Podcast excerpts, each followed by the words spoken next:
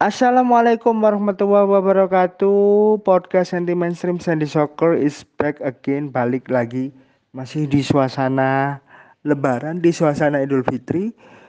Kali ini Nomo hadir menepati janji karena beberapa waktu lalu setelah kita menyoroti kalendario Piala Eropa, Nomo akan menyoroti juga serba-serbi tentang Piala Eropa mulai dari kota-kotanya bahkan sampai ke sponsornya. Khusus hari ini di mana waktu jelang Euro 2020 12 Juni nanti, 12 Juni 2021 kurang 4 minggu lagi ya atau sekitar 28 hari. Nah, kali ini ada dua sponsor dari 11 total yang ingin nomor soroti. Jadi setiap harinya kita akan menyoroti dua sponsor demi dua sponsor kecuali nanti pada saat hari terakhir kita menyoroti sponsor karena ada 11 jadi ada satu hari di mana kita akan menyoroti langsung tiga sponsor utama. Dua yang ingin kita soroti hari ini adalah Elipay dan juga Coca-Cola. Seperti apa profil dari dua sponsor utama ini? Nah selengkapnya ada di podcast anti mainstream Sandy Soccer weekend time hari ini Pertama ada Elipay yang menjadi sorotan pertama kita hari ini. Sebuah perusahaan pembayaran uang secara online yang menjadi bagian dari Alibaba Group. Alibaba Group sendiri dimiliki oleh seorang Jack Ma. Pada tahun 2003, mereka meluncurkan produknya dan semakin memperluas ekspansi pemasarannya sekaligus merebut posisi PayPal dalam platform pembayaran terbesar di dunia. Kalau bicara mengenai jumlah anggota, berdasarkan data pada 2018 yang lalu, jumlah pengguna salah satu produk dari Alibaba ini mencapai 870 juta orang. Dan perusahaan ini sudah melakukan ekspansi produknya ke beberapa negara seperti Bangladesh, Hong Kong, Jepang, Korea Selatan, Vietnam, Singapura, Australia, Amerika Serikat, Islandia, Italia, Norwegia, dan Great Britain atau Britania Raya. Itu sedikit catatan singkat mengenai Alibaba. Grup yang punya produk namanya Alipay yang menjadi sponsor resmi Piala Eropa 2020 yang digelar 2021 tepatnya pada tanggal 12 Juni. Setelah menyoroti Alipay, selanjutnya kita menyoroti Coca-Cola. Tentu semua orang termasuk teman-teman pendengar podcast semuanya pasti sudah mengenal minuman berkarbonasi yang satu ini Perusahaan ini diperkenalkan pada 8 Mei 1886, artinya sudah 135 tahun perusahaan ini ada. Siapa yang punya andil, siapa yang punya kiprah di balik berdirinya perusahaan ini adalah seorang dokter sekaligus apoteker bernama Dr. John Pemberton yang menemukan Coca-Cola di Atlanta, Georgia, Amerika Serikat. Dr. Pemberton menguji minuman tersebut pada pelanggan di apotek setempat. Namanya adalah Jacob Pharmacy ketika itu. Kemudian Jacob Pharmacy menjadi sangat populer dan barangnya, produknya Coca-Cola ini dijual dengan harga 5 sen per gelas ketika itu.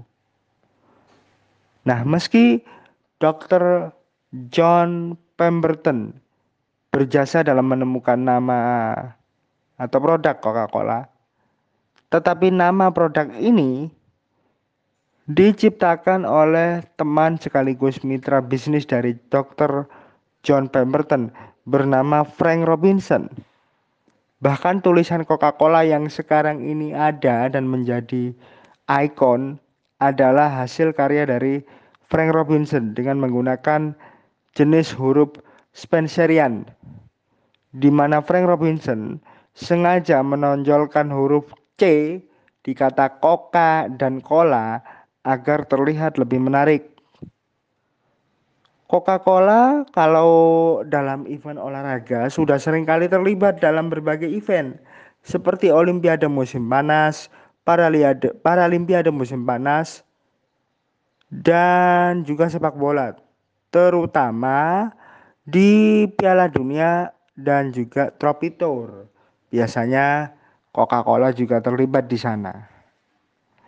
Bahkan untuk Piala Dunia mereka sudah terlibat sejak tahun 1958 dan secara resmi bukan hanya resmi lagi tapi juga ada upgrade agreement ya yang dilakukan antara Coca-Cola dengan FIFA pada tahun 1967.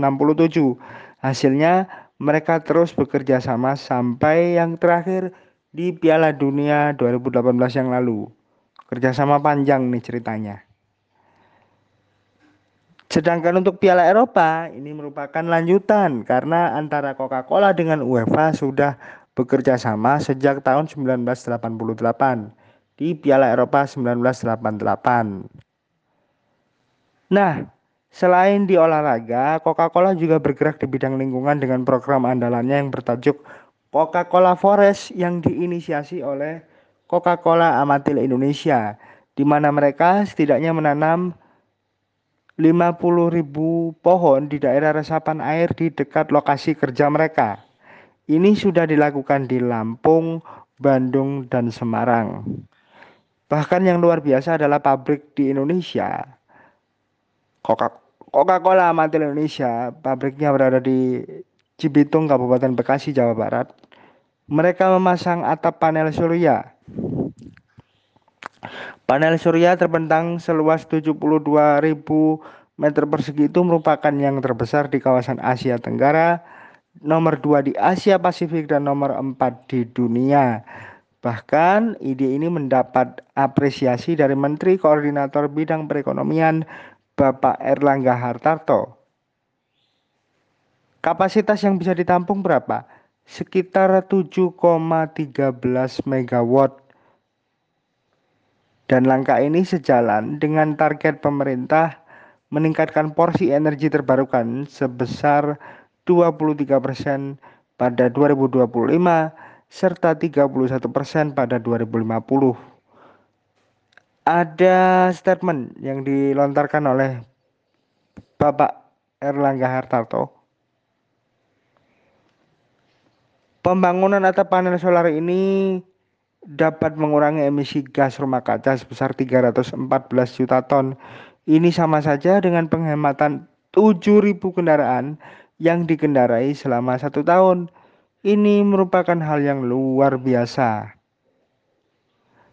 Saat beliau melontarkan sambutan di acara inaugurasi atap solar panel pabrik Coca-Cola Amatil di Cibitung beberapa waktu yang lalu. Di tempat terpisah, Direktur Utama dari Coca-Cola Amatil Indonesia, Kadir Gundus, mengungkapkan pembangunan panel surya yang menelan investasi 87 miliar rupiah itu merupakan upaya perusahaan untuk menekan emisi gas rumah kaca. Terlebih lagi, pemerintah telah menargetkan emisi yang bisa ditekan hingga 29 persen 29 persen atau setara 34 juta ton karbon dioksida pada tahun 2030.